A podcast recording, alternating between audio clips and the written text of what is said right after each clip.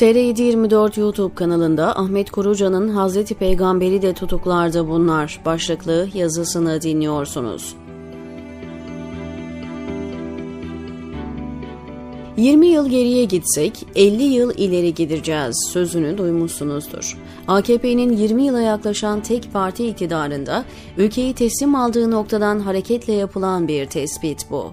Ekonomik kalkınmışlık, insan hakları ve özgürlükler hukukun demokratik ülkelerdeki seviyede olmasa bile göreceli olarak varlığı, adil ve özgür bir biçimde yapılan seçimlerle iktidarı devralıp seçimlerle devretme, kamu adına denetim mekanizmasının en fonksiyonel ayağı olan özgür basın vesaire. Türkiye'nin AKP öncesini bilen organize suç örgütü liderinin deyimini ödünç alarak kullanayım. Yaşı 40 yaşın üstünde olan herkesin bilebileceği gerçekler bunlar. Ama 20 yıllık AKP iktidarı sonrası ülkenin düştüğü seviye malum. İşte bunun için 2022 yılında 2002 yılına dönebilsek ülke hemen her açıdan 50 yıl sonrasına gidecek deniliyor. Bunun bir başka manası da açık ve net. AKP iktidarının bırakacağı enkazı temizlemek en az 50 yıl alacak. Neyse, siyaset bilimci değilim. Türkiye siyasetini yakından takip eden ne gazeteciyim ne de akademisyen. Herhangi bir siyasi öngörümde olamaz. Ama bu çerçeve içine giren insanların yazılı ve görsel yayınlarını takip ediyorum. Türkiye ile gönül bağı kısmen kopmuş bir insanım. Duygusal bir kopuş bu. Ama doğduğum, büyüdüğüm topraklardan, kırgın bile olsam insanlarından kopamam. Onlar için üzülüyorum ve onların bugününe ve yarınına destek vermek için elimdeki kalemim, dilimdeki sözümle mücadele etmeye devam ediyorum. Bunun için realiteleri merkeze alan rasyonel ilgi ve alakam hala var. Özellikle mesleki ilgi alanım olan noktada. Özelde hukuk, genelde din veya İslam diyebileceğiniz bir ilgi bu. AKP iktidarı da kendilerini muhafazakar dindar olarak tanıttığına göre takdir edeceğiniz üzere gözlem alanım çok geniş. İşte şimdi okumakta olduğunuz yazı bu çerçevede kaleme alınan bir yazıdır. Mahmut Nedim Hazar Kendisini ilk defa Zaman Gazetesi kültür sayfasında çalışırken tanımıştım. Sinema asıl ilgi alanıydı. İddiasız, işini yapan ama işini de iyi yapan birisiydi. Arkadaşlığı, dostluğu, hoş sohbetiyle hayatımda iz bırakan insanlardan biridir. Gerek gazetede gerek haftalık aksiyon dergisindeki yazılarını zevkle okurdum. 28 Şubat'ın o ifritten sürecini birlikte geçirdik. O dönemde yazdığı yazılar çıplak gerçekleri kör gözlere sokan yazılardı ve kimilerine umut olurken kimilerine korku salıyordu. Şimdi aynı şeyi TR724 sayfalarında yapıyor sağ olsun. Geçenlerde onun Aydoğan vatandaşla söyleşi yaptığı uyarısı ekranıma düşünce hemen izledim. Sizlere de tavsiye ederim. AKP iktidarının toplumsal barış ve kutuplaşma ekseninde ülkeyi getirdiği yeri ifade ederken diyor ki, Mevlana günümüz Türkiye'sinde yaşasaydı onu da tutuklardı. Sen ne demek istiyorsun, kim olursan ol gel demekle derlerdi. Nedim Hazar'ın haklı olarak yaptığı bu tespit beni, benim bunlar Hazreti Ömer'i de tutuklardı sözlerimi hatırlattı.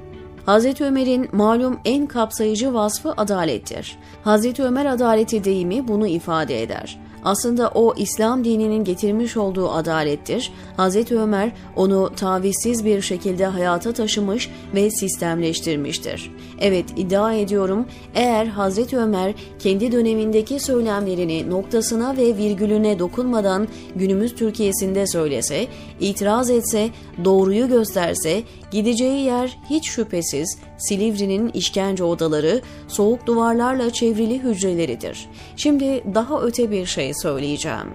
Değil Hazreti Mevlana ya da Hazreti Ömer, eğer Hazreti Muhammed sallallahu aleyhi ve sellem adalet vurgusunu yaptığı söylem ve eylemleriyle AKP, MHP ve bileşenlerinin yönettiği Türkiye'de yaşasaydı, İnanın bana hiç tereddüt etmeden Hz. Muhammed'i de tutuklarlardı bu insanlar. Nasıl tutuklamasınlar ki? Onun yapma dediği neredeyse her şeyi yapıyorlar. Mesela diyor ki Hz. Peygamber, Ey insanlar! Allah sizden önceki milletleri içlerinden soylu birisi hırsızlık yaparsa onu bırakmaları, zayıf, sıradan halktan birisi hırsızlık yaparsa cezalandırmaları sebebiyle helak etmiştir. Müslim Hudud 8 Allah dört kişiye gazap eder deyip bunları saydığı yerde Hz. Peygamber dördüncü olarak zalim yönetici diyor. Nesai Zekat 77 Şimdi hırsızları serbest, hırsızları yakalayanları hapishanelerde çürüten, kendi halkına zulmetmeyi sıradanlaştıran bir iktidar, halk arasındaki etkin konumuyla muhalefet eden ve bu sözleri sarf eden birisini Hz. Muhammed bile olsa tutuklamaz mı? Bence kesin muhalefetin öncülüğünü yapıyor, başkalarını etkiliyor diye tedhiş edip uyarmak için aleme ibret olacak şekilde tutuklarlardı. Ama işkence ederler mi emin değilim. Belki insaf edip işkence etmeyebilirlerdi.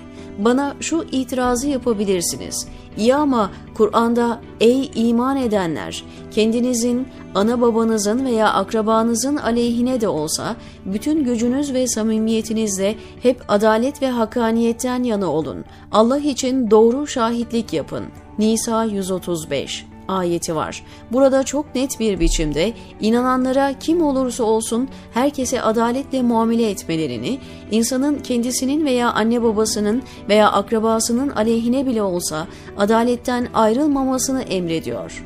O zaman Anladım demek istediğinizi. Hazreti Peygamberi tutuklamanın ötesine geçiyor, inandıklarını söyledikleri Allah'ın emirlerine muhalefet ediyorlar demek istiyorsunuz. Doğrudur ve bu durdukları bu yer aslında derinlemesine düşünülecek olduğunda Hz. Muhammed'i tutuklamanın da bir adım ötesinde yer almaktadır. Heyhat diyor Ahmet Korucan TR724'teki köşesinde.